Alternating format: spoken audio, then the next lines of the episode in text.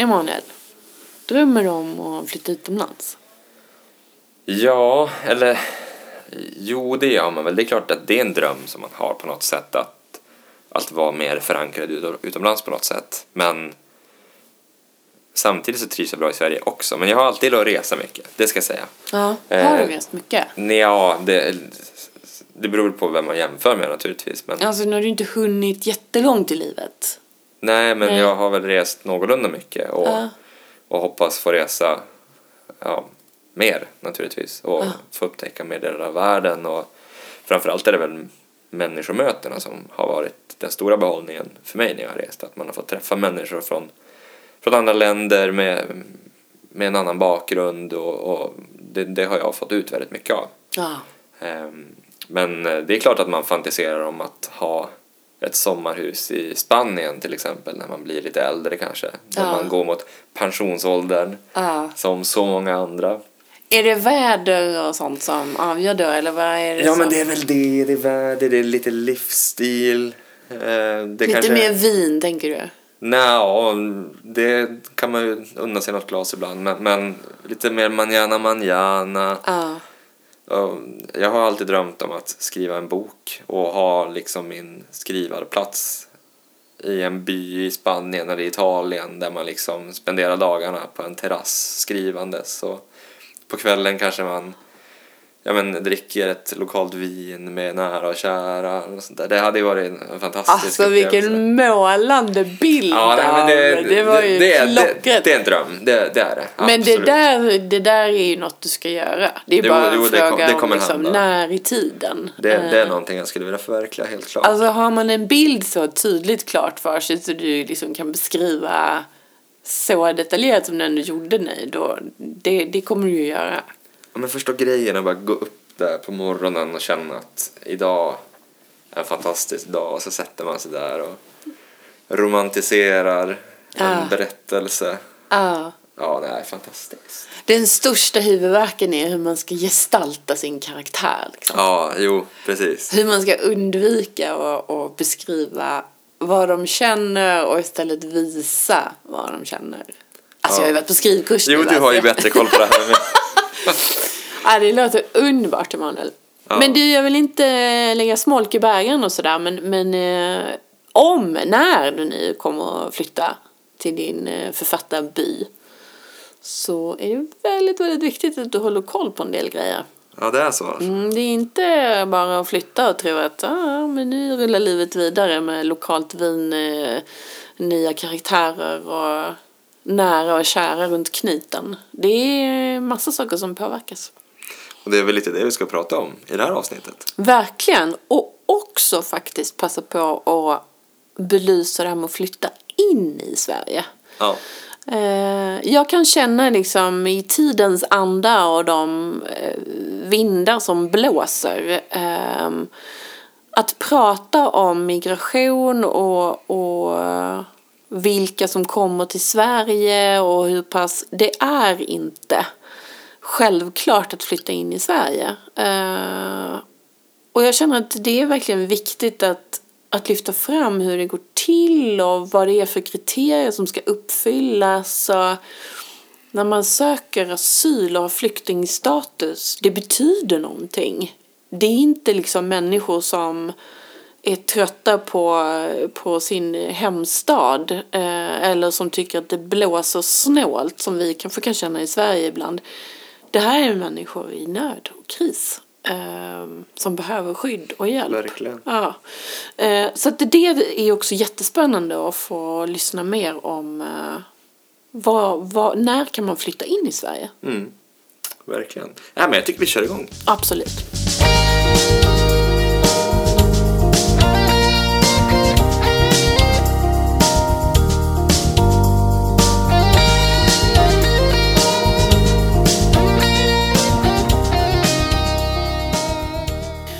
Flytta in i Sverige. Flytta ut ur Sverige. Ehm, det blir rörligare. Eh, och vi har ju eh, känt av att det är många som vill flytta in till Sverige. Inte minst avseende Syrienkriget och flyktingvågen som slog till 2015. Och idag har vi bjudit in eh, Maria Isaksson. Jättevälkommen Maria. Tack så mycket. Du är kollega till oss här på Familjens Jurist. Ja, jag jobbar på Stockholmskontoret som ligger vid Globen med bland annat migrationsfrågor. Jättekul att ha dig här. Tack. Hur ser det ut idag? Eh, om vi pratar om asylrätten och det har ju gjorts ganska stora begränsningar sedan 2015. Och har, har du, är det människor som söker hjälp? Är det mycket att göra kring de här frågorna fortfarande? Det är det ju absolut, men det är ju det är stor skillnad.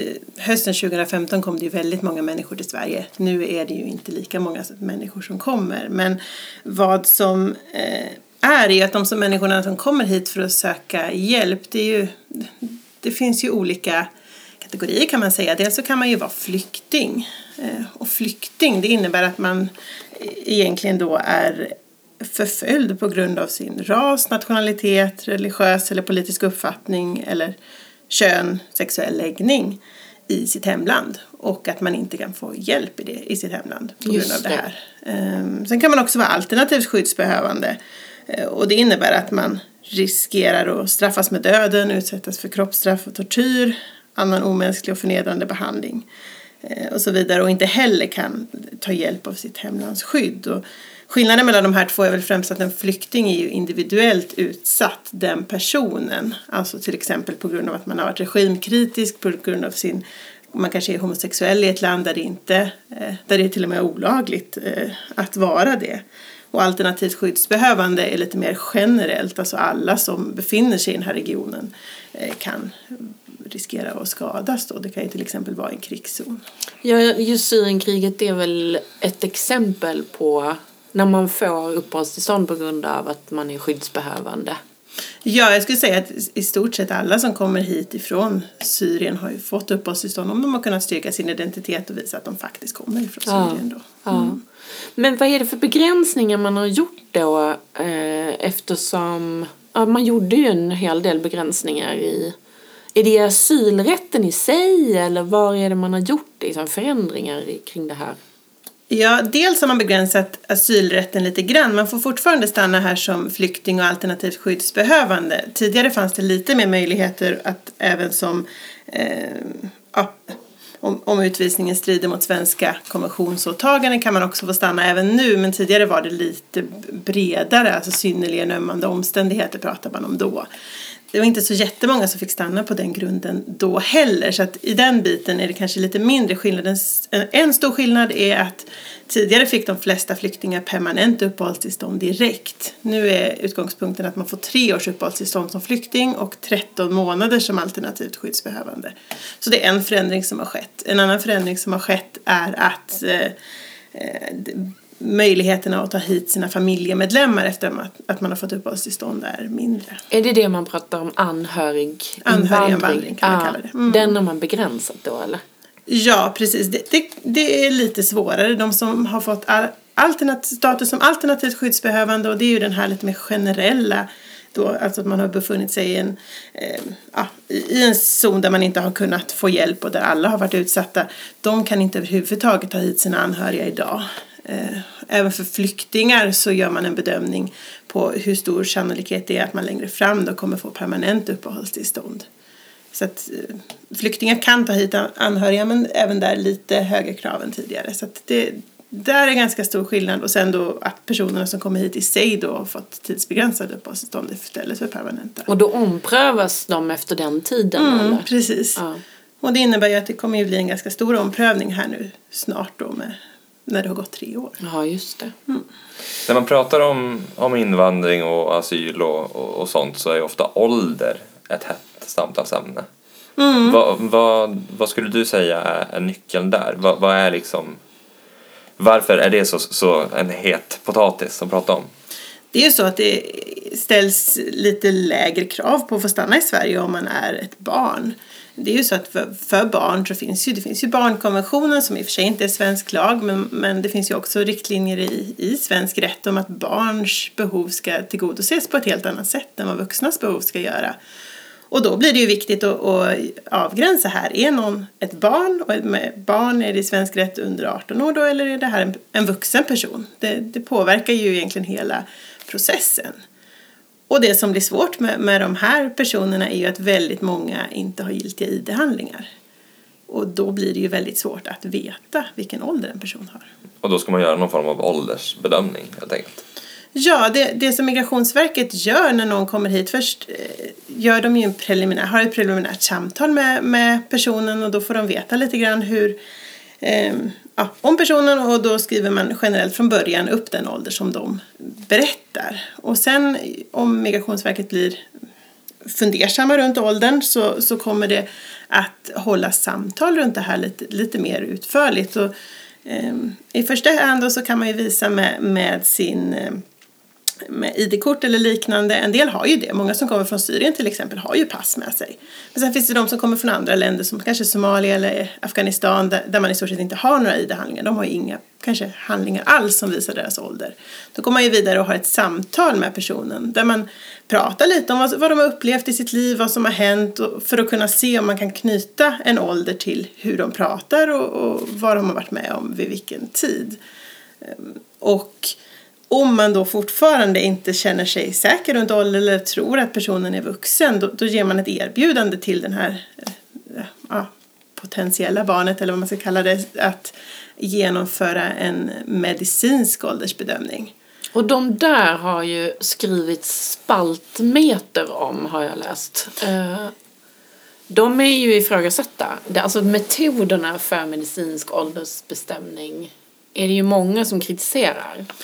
Absolut. Och kanske ännu starkare, det är så att man gjorde om metoden lite grann här för några år sedan. Tidigare så, så var de väldigt kritiserade av läkare som inte ville göra det här överhuvudtaget. Då, då var ju ett problem att det blev ett väldigt stort spann. Man kanske sa att en person är 16 år plus minus 2, 3 eller 4 år det blir ett väldigt stort spann. De flesta som kommer till Sverige och som man gör sådana här utredningar på är relativt nära 18-årig ålder. Men eh, det som man gör nu då är att det är Rättsmedicinalverket som genomför de här och man gör en röntgen på visdomständer och sen så gör man en magnetröntgen på knäleden. Och sen så är det läkare som bedömer de här eh, var för sig då och sen så eh, kommer det kommer man då att bedöma utifrån tabeller på hur hur barn i, i de här åldrarna normalt sett är utvecklade i knäleden och visdomständerna och bedöma om barnet är över eller under 18 år. Så de nya testerna säger alltså inte hur gammalt barnet är utan de säger bara över eller under 18 år. Men de säger aldrig det här med säkerhet utan det finns en felmarginal. Det, jag vet inte exakt men det är inte 100% säkert det här. Nej. Och det är ju ett stort problem såklart. Alltså rättssäkerheten är ju inte fantastisk på det här sättet. Eventuellt, beroende på hur man ser på det. men är felmarginalen så pass stor så det är klart att då, då slår det ju verkligen om man, ja. Det är ju ett jättestort problem. Sen så ska man ju också komma ihåg att det här är ju kan man säga en sistahandsmöjlighet för de här barnen då att bevisa sin ålder. För de har ju fått först möjligheten att visa det med skriftliga handlingar, inte kunnat det. Sen har de fått möjligheten att berätta själva, inte kunnat berätta på ett sådant sätt att man kunnat veta om det är ett barn eller en vuxen. Och sen i tredje hand då så får de den här möjligheten. Men, men det kan ju också diskuteras, det är ju väldigt dyra undersökningar också att genomföra och om de ändå inte ger något särskilt bra resultat så, så kanske det inte är så stor idé att genomföra dem alls. Och det blir ju en väldigt, det är ett väldigt svårt beslut upplever jag för, för om, jag, om jag har en klient som är eh, i, i den här åldern då som själv vet om att nej, men jag är ju kanske 16 år men när jag ska då prata med honom eller henne om den här möjligheten med medicinska åldersbedömningar, det blir väldigt svårt för dem att ta ställning till om de ska genomföra det eller inte. För säger man nej till en sån här utredning då kommer man ju antagligen att bedömas vara över 18. Men samtidigt om man säger ja så kan man ju inte veta då hur, hur en sån här utredning skulle gå. Nej, det är verkligen inte rättssäkert. Nej, verkligen inte. Verkligen inte. Ja, det här är ju, eh, vi behöver ju fler människor i Sverige. Eh, invandring är ju avgörande, det har man ju förstått. Vi ska klara försörjningen av oss alla liksom, framåt och sysselsättning och eh, arbetskraftsinvandring vet jag att vi har ju haft liksom vågor av arbetsinkraft... Jag kan inte prata. Arbetskraftsinvandring. Arbetsinkraftsvandring. nytt begrepp. Ja, nytt begrepp. Um, Och det är en hel del kompetenser som man hävdar då bara finns utomlands. Eh, där är det ju också lite snårigt. Om jag som företagare vill anställa någon från Indien exempelvis. Eh, Indien har flest ingenjörer i, i hela världen. Jag har sett David Batras världens sämsta indier. Så jag har lärt mig massor om Indien. men, men eh, där är det lite att tänka på också. Och där har man ju läst exempel på människor som har jobbat då och, och har arbetstillstånd eller uppehållstillstånd med, med möjlighet att få arbeta i Sverige. Och så har arbetsgivaren missat någon formalia och förlänga eller skicka in ett papper. Och... Hur är det där? Ja, först vad gäller, så tänker jag att man ska, en, en stor skillnad mellan asyl och arbetskraftsinvandring är att asyl måste man söka i Sverige arbetskraftsinvandring är huvudregeln att man söker utifrån. Man söker alltså normalt sett från sitt hemland första gången som man får uppehållstillstånd i Sverige.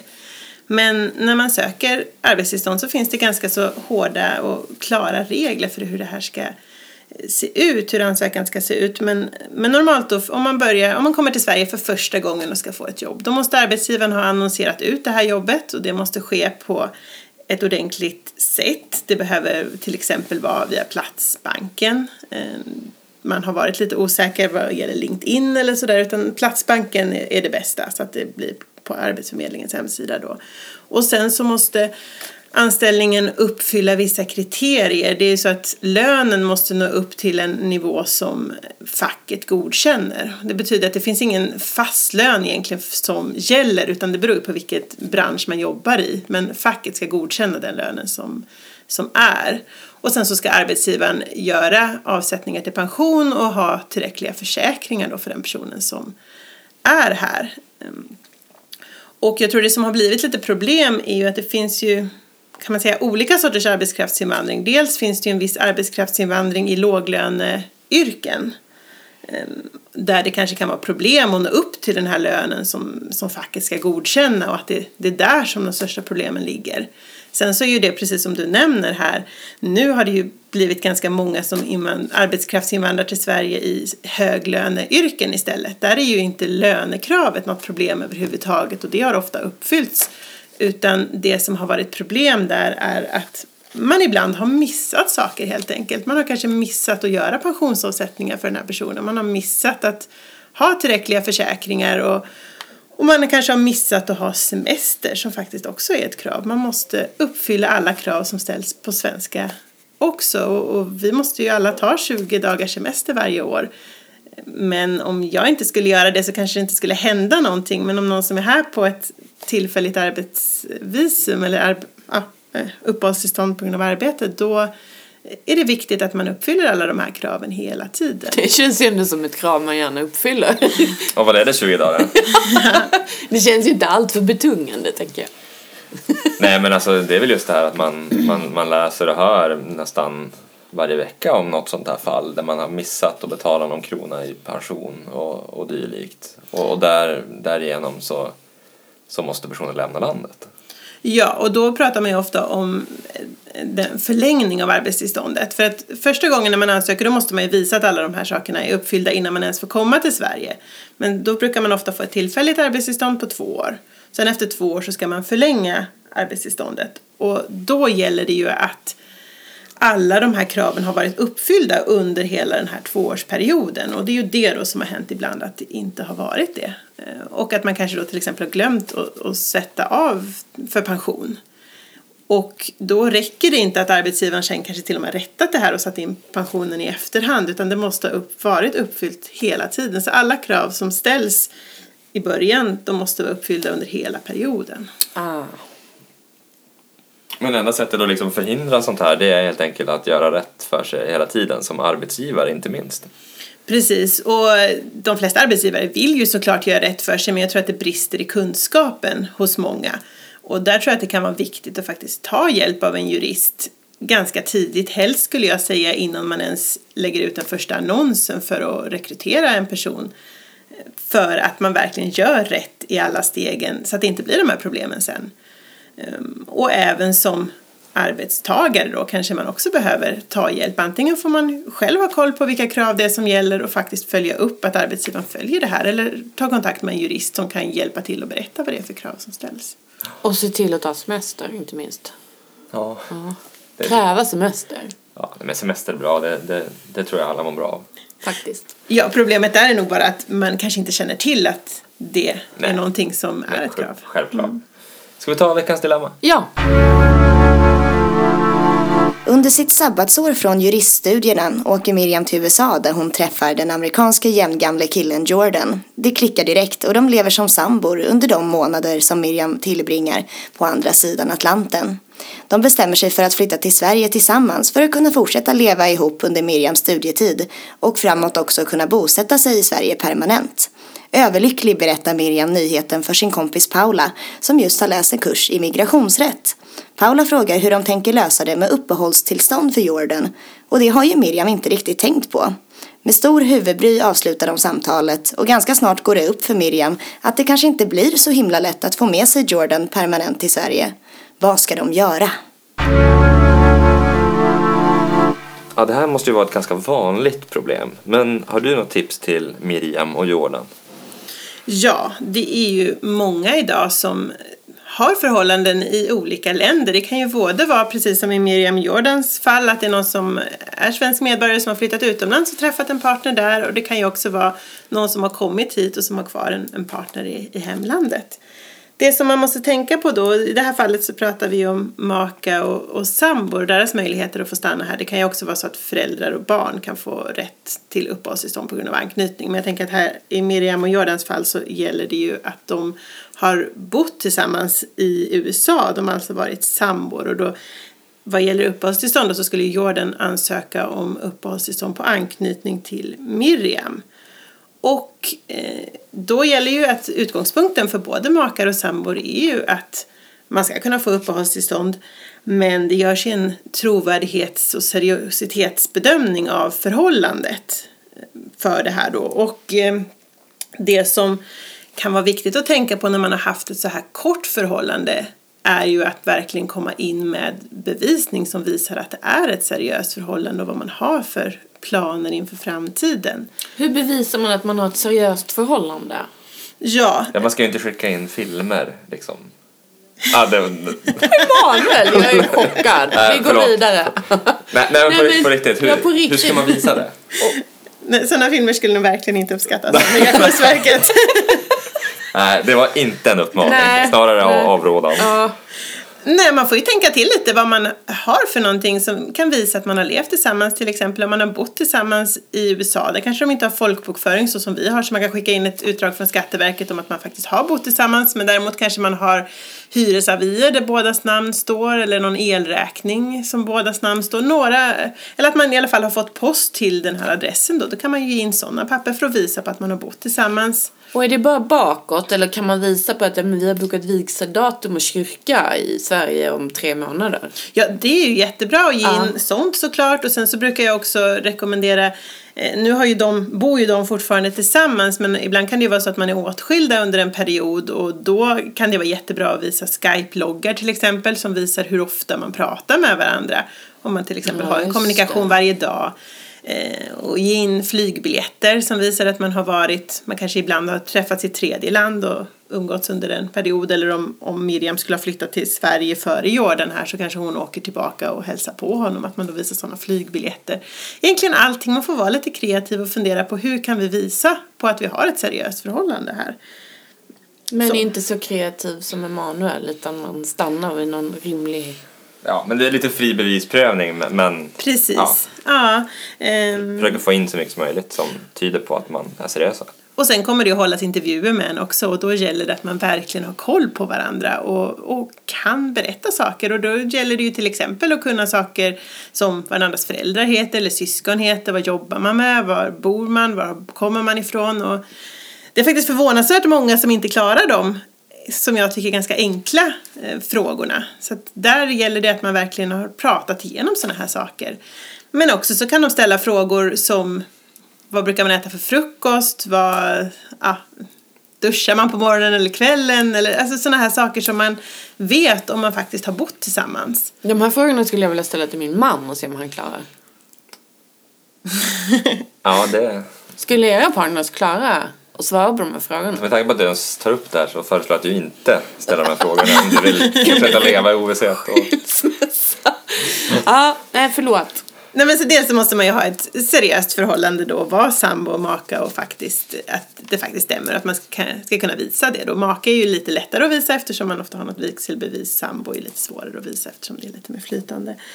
Och sen då så gäller det att man, det finns ett försörjningskrav också. Det betyder att Miriam här, hon måste kunna visa att hon kan försörja Jordan när han kommer till Sverige. Och det, försörjningskravet är uppdelat i två delar. Dels så är det en, ett ekonomiskt försörjningskrav. Hon ska helt enkelt eh, ha råd att eh, betala för, för honom. Eh, och då, då tittar man ju både på eh, att hon ska ha råd att betala för bostad och sen att man ska ha kvar ett vad ska man säga, ett förbehållsbelopp då som ska täcka övriga kostnader. Och sen så tittar man också på att man ska ha en bostad av tillräcklig storlek och standard.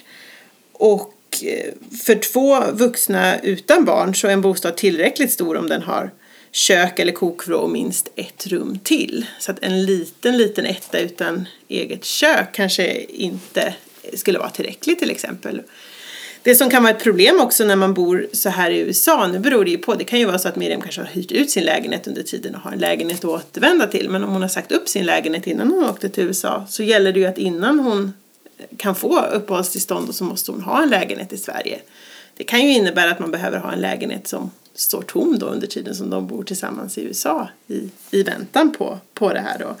Det tycker jag är ett stort problem för många och sen så är det också att det behöver vara en ganska så stor eller stor, men, men att det ändå måste vara en, en lägenhet som kan rymma dem och ibland när det kan vara barn med också så måste man ha ett ytterligare rum till barnet och det kan ju vara ett problem i Stockholm till Mm. exempel. Så, så kort och gott, har man bara en studentkorridor så är det kört. Ja, Om man inte kan ändra på det då, naturligtvis. precis. Och det måste man ändra på innan man kan få ett beslut från Migrationsverket. Så, Så det helst innan man lämnar in ansökan. Precis, helst innan man lämnar in ansökan och allra senast innan de fattar beslut. Och det kan man ju inte veta exakt när de kommer att göra. Annars Och där kan man komma in ständigt med ny bevisning liksom. Precis, så är det ju i, i sådana här migrationsmål att då kan man ge bevisning hela tiden fram tills att det fattas beslut. Men en viktig del där också med att lämna in ansökan det är att man måste lämna in det i landet. Alltså i det här fallet så måste väl Jordan lämna in det på svenska ambassaden i USA. Ja, eller gör den på internet. Ja. De flesta gör det på nätet nu. Men han måste befinna sig utanför Danmark. Sverige. Han måste befinna sig utanför Sverige. Så han kan inte söka om det när han är i Sverige. Nej, Men för han, det tror jag är ett vanligt missförstånd att liksom Miriam här tror att ja men nu flyttar vi hem och så lämnar vi in ansökan och så borde allting vara frid och fröjd. Ja. Men han måste inte vara i USA utan han kan vara i Danmark. Ja eller är, är det precis. utanför Sverige eller är det i hemlandet? Liksom? Nej, utanför Sverige är det som... Sen så beror det ju på lite vilka länder man har rätt att vistas i och sådär. Det Ja, vara- naturligtvis. Mm, men då, och det- det som man får tänka på också är att det är väldigt långa handläggningstider på Migrationsverket just nu. Jag skulle säga att man nog inte från att man lämnar in ansökan får ett beslut inom ett år. Oj! Mm, jättelånga handläggningstider och, och det är ju ett jättestort problem både vad gäller arbetstillstånd och vad gäller anknytning då, anhöriginvandring. Kan hända mycket med kärlek på ett år. Ja, fast är det seriöst så håller det. Så är det och i vissa fall så kan man ju kanske få visum då, att han skulle kunna få ett turistvisum till Sverige för att få komma hit och besöka under den här handläggningstiden. Men, men det är också så att Migrationsverket är lite mer restriktiva med att bevilja visum under en sån här eh, per, mellanperiod då medan man väntar på ett sånt beslut. Och det är ju för att de tror att då kanske personen stannar kvar i Sverige olagligt. Då. Så, att då, ja, så att det, det är knepigt det här. Det är inte helt enkelt att bara flytta till Sverige. Om man inte Nej. liksom är svensk Nej, vi, tycker att medborgare. det, vi tycker att det är svårt att flytta till USA. Men Ja. det är inte helt lätt att flytta hit heller. Nej. Det är kanske svårare än man tror och, och man får inte heller glömma bort då att som svensk, så, många svenskar tänker ju att ja, men jag åker utomlands och tar, träffar jag någon så tar jag med dem hem, det är inga konstigheter. Men det finns en hel del regler att förhålla sig till och som här för Miriam och Jordan, det kommer säkert att gå bra till slut men det kommer vara en tid. Eh, och man kan inte heller då, det här, jag pratar om långa handläggningstider, man kan inte heller ansöka liksom, i förebyggande syfte som en del kan vilja göra, att men vi ansöker nu direkt fastän vi ska bo utomlands i två, tre år bara för att det kommer ta så lång tid. Utan man måste också kunna visa, den svenska medborgaren måste kunna visa att man är på väg tillbaka till Sverige. För det, grundkravet är att man ska vara bosatt i Sverige men man kan också sträcka ut det till då att man snart kommer vara bosatt i Sverige. Så att man måste kunna visa på något sätt att man är tillbaka. Det kanske är ett anställningskontrakt, kanske en bostad som man kan komma tillbaka Eller terminen tar slut snart Precis. om man är där och pluggar till exempel. Ja. Ja, det där är ju intressant. Eh, Det tycker jag det tycker jag känns relevant att reflektera kring i dessa tider. Det är inte självklart att bara, det är inte öppet. Sverige står inte öppet för allt och alla och vem som helst. Och det är, det är svårt eh, att få komma och bo i Sverige. Och det är en ganska så hård seriositetsprövning som görs också. Och där skulle jag verkligen vilja uppmana att man har koll och har koll på varandra innan man är på en sån här intervju och verkligen kan bevisa. För är det så att Migrationsverket säger nej då tycker jag att man inte är tillräckligt seriös i sitt förhållande, inte tror på förhållandet helt enkelt. Även om, både om man är gifta och om man är sambo och ger avslag på grund av det, då är det väldigt svårt att komma tillbaks från det.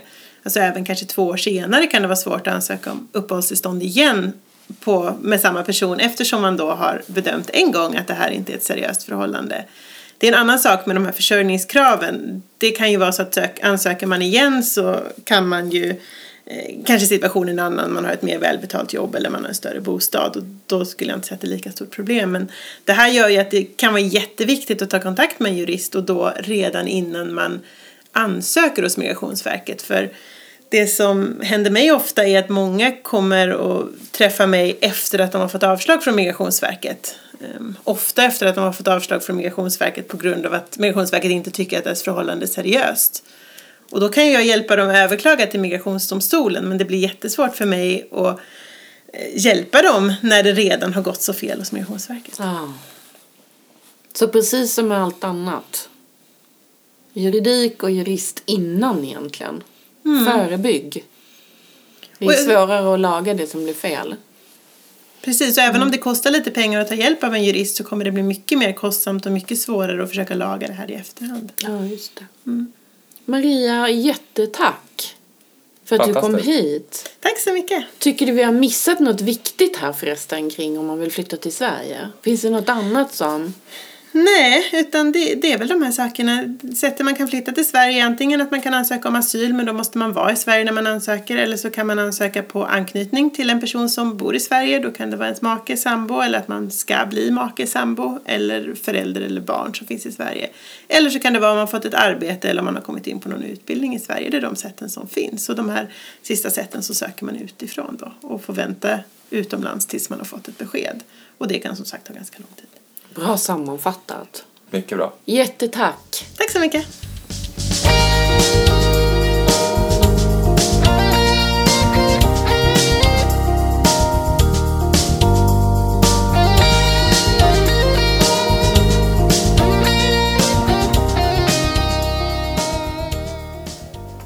Ja, det, en del i det hela är ju att flytta in till Sverige. Men det kan ju också vara så att man vill flytta ut från Sverige.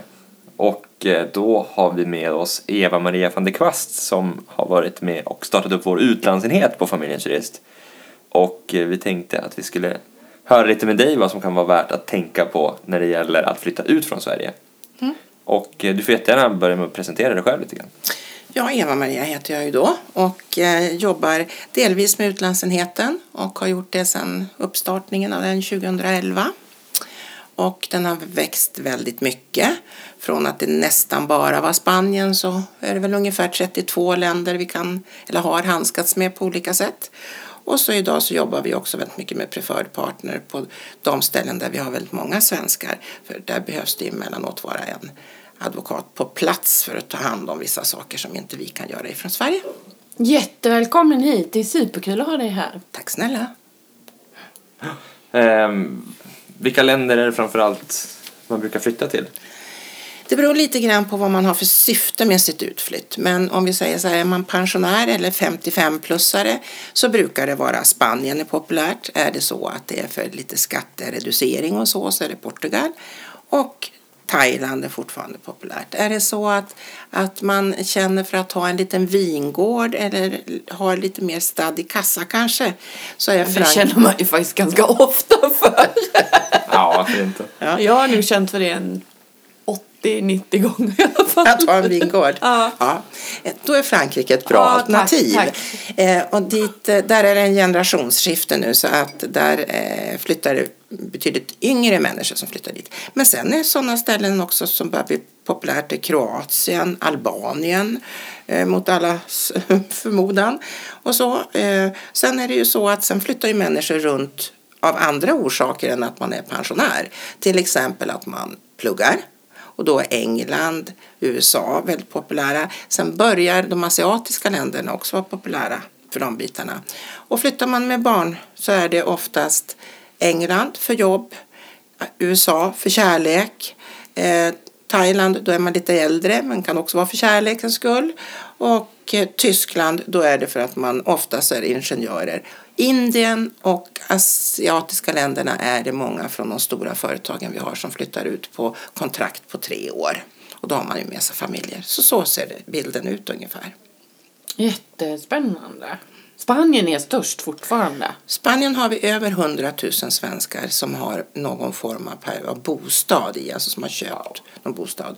Och förra året så tror jag att det såldes någonstans mellan 4 och 5 000 bostäder i bara södra Spanien till svenskar just. London vet jag att det är jättemånga som... Jag har kompisar som har jobbat i, i London. Nu är ju Brexit kanske något som gör det lite osäkert hur det blir där. Men, men eh, annars trodde jag faktiskt att London och England var... England har ungefär, man räknar med ungefär 50 000 svenskar som på något sätt är skrivna eller har längre perioder där.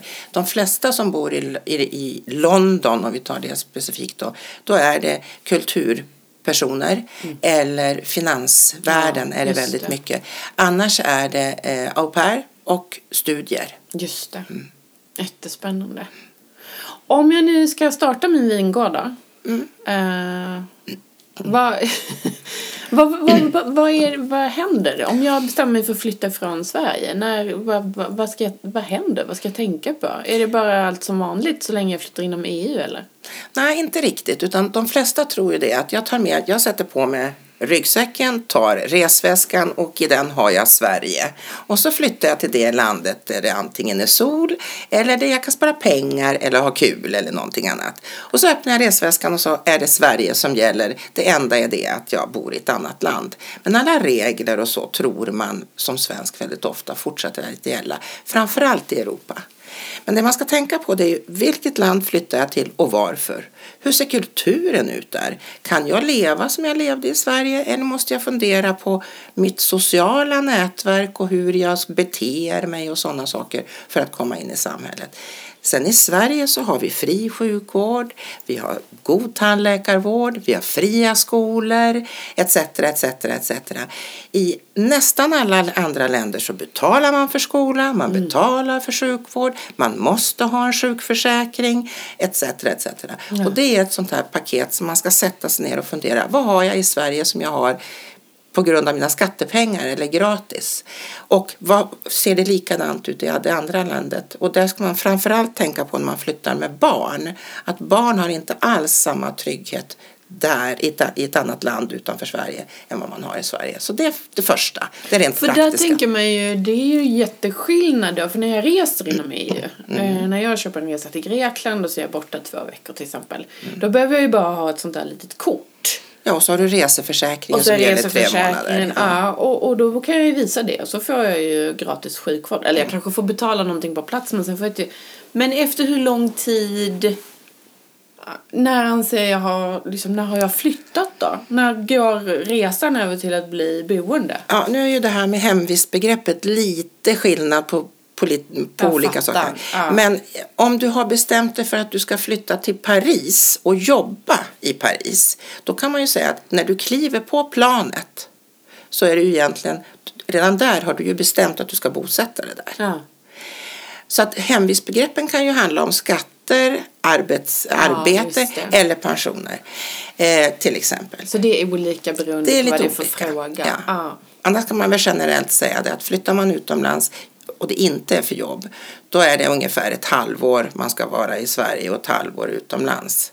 Och så blir det mer i det ena eller det andra landet, då bor man kvar där så att säga skattemässigt och allting annat. Ja, just det. Så ett visst antal dagar som kan vara lite Men då påverkas egentligen allt. Då är det liksom försäkringar, vård, skolor, allt som du tog upp där behöver Ja. man grotta i och förstå hur det funkar. Ja, och även pensioner och försäkringar och sådana saker. Alltså, då menar jag försäkringar för boendet. Alla sådana saker också. Ja, just det, men det brukar vi, eh, brukar vi svenskar vara bra på, att försäkra våra saker. Vi hade ju en, en gäst i förra avsnittet som pratade just om att hon kom från Iran och hit. Och de hade reflekterat över hur duktiga svenskar är på att försäkra sina saker men inte sig själva.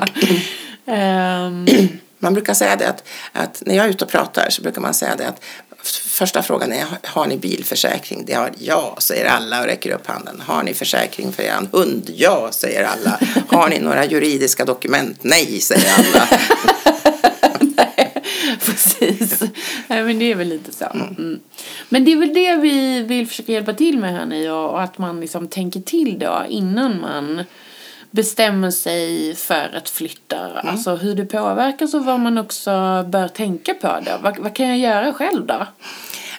Det man ska göra är att för det första titta över min situation. Hur lever jag idag? Hur ser det ut? Och vad behöver jag när jag kommer till det andra landet? Och tänka på att det olika länders lagar som gäller. Sen har man då är det så att man har varit så förnuftig så man har testamenten, äktenskapsförord och så vidare så måste man ju titta på gäller formkraven för det vi har i Sverige även i det här andra EU-landet? Och ännu värre om man flyttar utifrån EU gäller i det här landet. Ja, det. Och sen är det ju så att i Sverige så skriver vi ett dokument, i stort sett det enda som vi skickar in till Skattemyndigheten är äktenskapsförordet. Allting annat behåller vi liksom tryckt själva. Ja. Eh, I nästan alla andra länder så ska det notariseras och vara tjusiga stämplar på det. Många europeiska länder har till exempel statlig testamentesförvaring som inte vi har. Många länder har inte så att om, om du är gift med någon av samma kön så gäller inte ett sådant äktenskap i väldigt många länder. Är du sambo så är det väldigt få länder som har en sambolag och överhuvudtaget räknar en sambo som när, närmast anhörig. Eh, och där ska man ju också tänka på om man flyttar ut och har barn och är sambo. Vem är förälder? Vem är ansvarig här? Hur fungerar det på de här sätten? Så att man ska ta och göra så tycker jag, att man ska plocka ihop de dokument man har och eh, gå till en jurist och sätta sig ner och så säga gäller det här i det landet jag ska flytta till? Många dokument gäller. Bara man översätter dem till det landets språk och får en notarius publicus-stämpel på det. För då kan man ta med sig dem till det landet och då är de oftast giltiga där, men inte alltid. Det där är lite läskigt för då tänker man att man har sett om sitt hus eh, för att vara trygg här hemma. Och så ska jag flytta till Portugal till exempel och då får jag liksom göra om hela proceduren. Men det får jag bara räkna med. Det får du räkna med. Nu är Portugal ett väldigt lätt land att flytta till i och för sig. Men säg att du får för dig att flytta till Indien eller Thailand eller till Grekland eller Kroatien eller något av de här länderna som inte alls har det trygghetssystem som vi har oavsett om det gäller juridiska dokument eller privatlivet och sjukvård och så. Då ska man titta över det ordentligt. Sen tycker jag personligen att har man ett dokument så är det så att det man skrev när man var 25 det är inte alls säkert att det dokumentet är så det funkar för mig idag när jag är 60. Nej, det är helt sant faktiskt. Mm. Utan jag tycker ju att alla juridiska dokument egentligen är färskvaror. Ja. Och framför allt om vi flyttar utomlands. Och sen är det ju så, titta vi fick en arvsförordning för några år sedan som inte fanns tidigare. Vilket innebär att man idag ska man skriva lagval om man vill ha svensk lag som ska gälla. Eh, och nu kommer samma sak på äktenskapet. Vad händer 2019. om man inte har skrivit lagval då?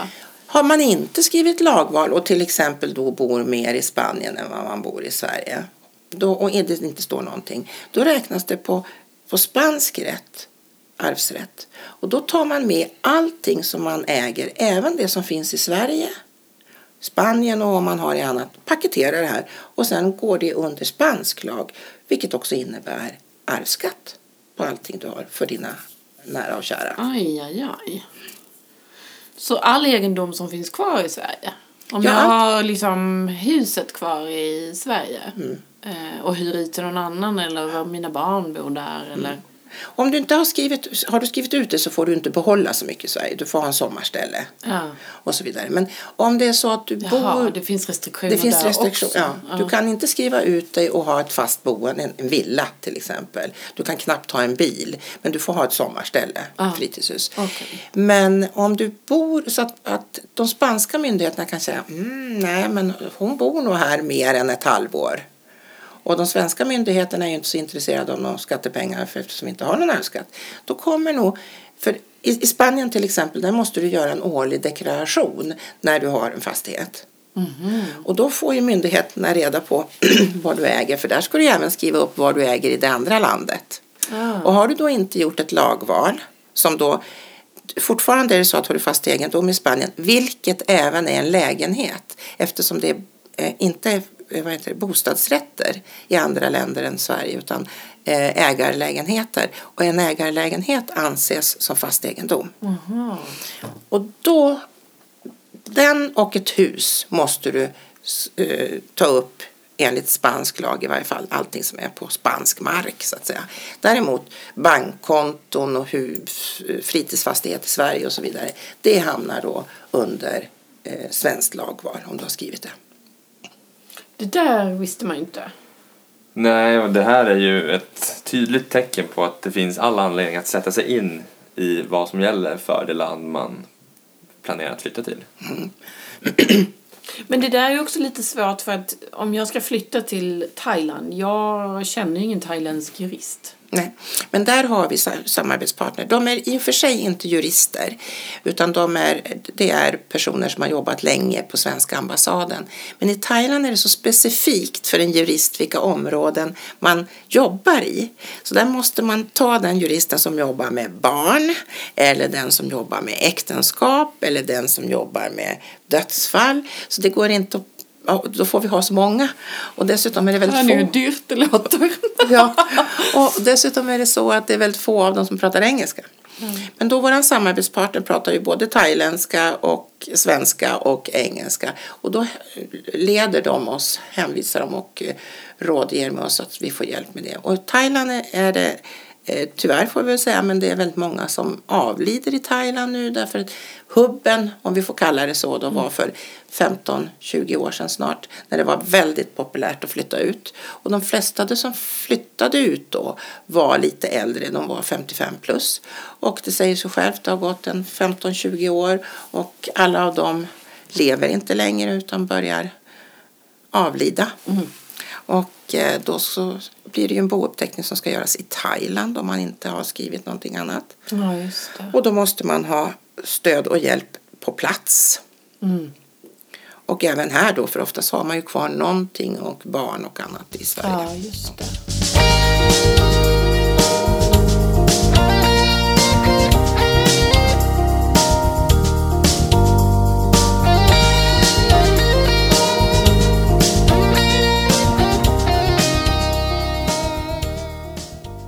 jättespännande det här med att flytta utomlands. Jag tänker det är ju väldigt vanligt att jag känner ju flera par där hon eller han har fått jobba utomlands.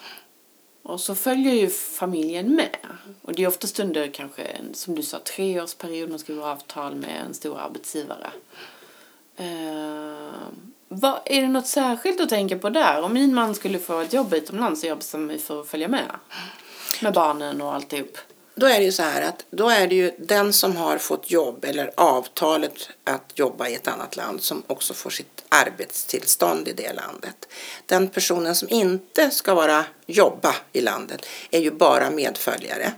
Och bara, vad betyder det? Ja, det innebär att, att om vi säger då att det är en hustru eller make som har jobbet så är den andra, då ansvarar de för sin partners ekonomi och alla de bitarna. Och dessutom är det så att då får ju den andra inte jobba för man har inget arbetstillstånd utan då är man hemma med barn oftast.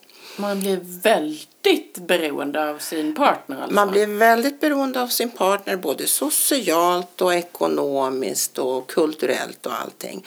Och då är det ju så att i Sverige räknar vi med att det andra landets lag börjar träda in lite grann efter två år brukar man säga.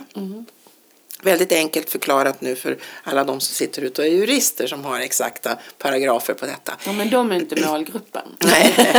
och, eh, men då är det ju så att om du då till exempel åker med, om du åker med din man till Kina eller Indien för att han jobbar på ett eh, IT-företag och ska jobba där. Då är det han som har avtalet. Det är han som har rätt att vara i landet och du följer med som, vi kan uttrycka det som ett bihang för det är egentligen inte mer än det. Appendix, Ja. Linda Ljunggren Syding. Precis. Blindtarmen, Linda Ljunggren Syding. Skulle det då vara så att din kära man träffar någon som, och vill skiljas, ja, då är det ju så att då har du inte rätt att vara kvar i landet. För du har ju inte uppehållstillståndet. Du har ju bara uppehållstillståndet på grund av att du är gift med honom som har arbetstillståndet och rätt att vara där och ekonomin. Men då vill jag ändå bara ta barnen och flytta hem. Ja, men barnen har ju rätt att vara kvar. Och ni har förmodligen gemensam vårdnad. Och i nästan alla andra länder i världen så är pappans ord väldigt tungt vägande. Och har du inga pengar, hur löser du då det här?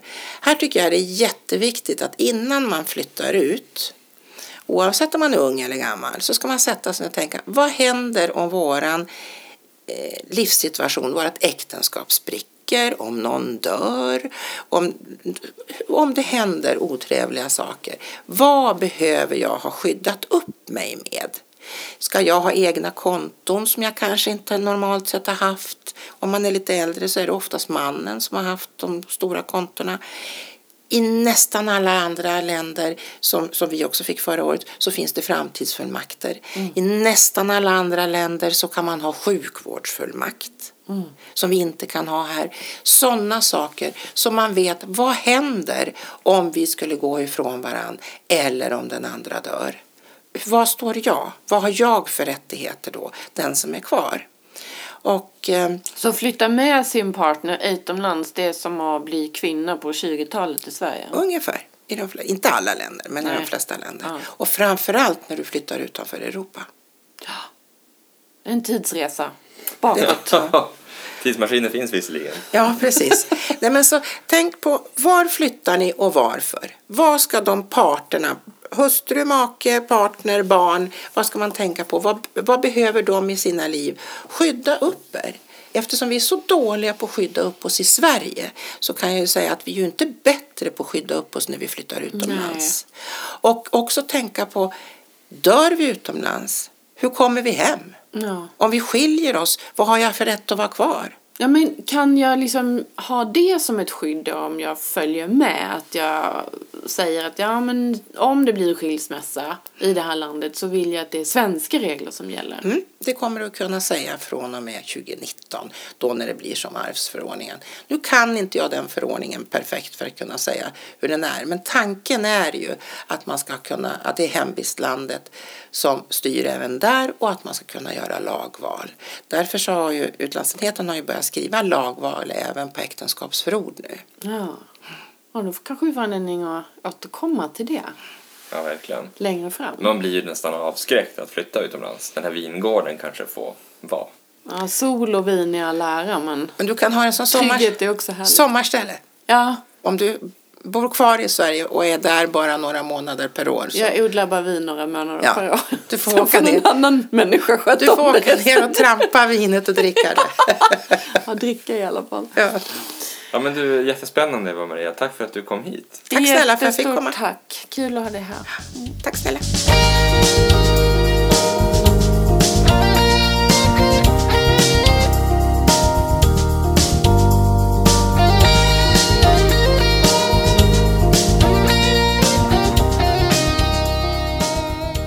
Du har lyssnat på det åttonde avsnittet av Familjens Jurists podcast Vi kan kärlek, död och pengar med mig, Emanuel Otterhall och Linda Ljunggren Syding. Du har väl inte missat våra fina erbjudanden till dig? Via familjensjurist.se kan du boka en gratis livsbesiktning där du tillsammans med en jurist går igenom din familjesituation utifrån ett juridiskt perspektiv. Baserat på analysen går juristen igenom vilka juridiska dokument som behövs för just dig och din situation. Vi kan även erbjuda rabatterade priser om 250 kronor rabatt för ett juridiskt dokument upprättat efter ett telefonsamtal med en jurist samt 100 kronor i rabatt för upprättande av handlingar via våra online-tjänster. Uppge koden podden 2018 med stort P och två D för att ta del av rabatterna. Frågor, synpunkter eller några funderingar? Skicka gärna ett mejl till podd familjensjurist.se podd med 2D.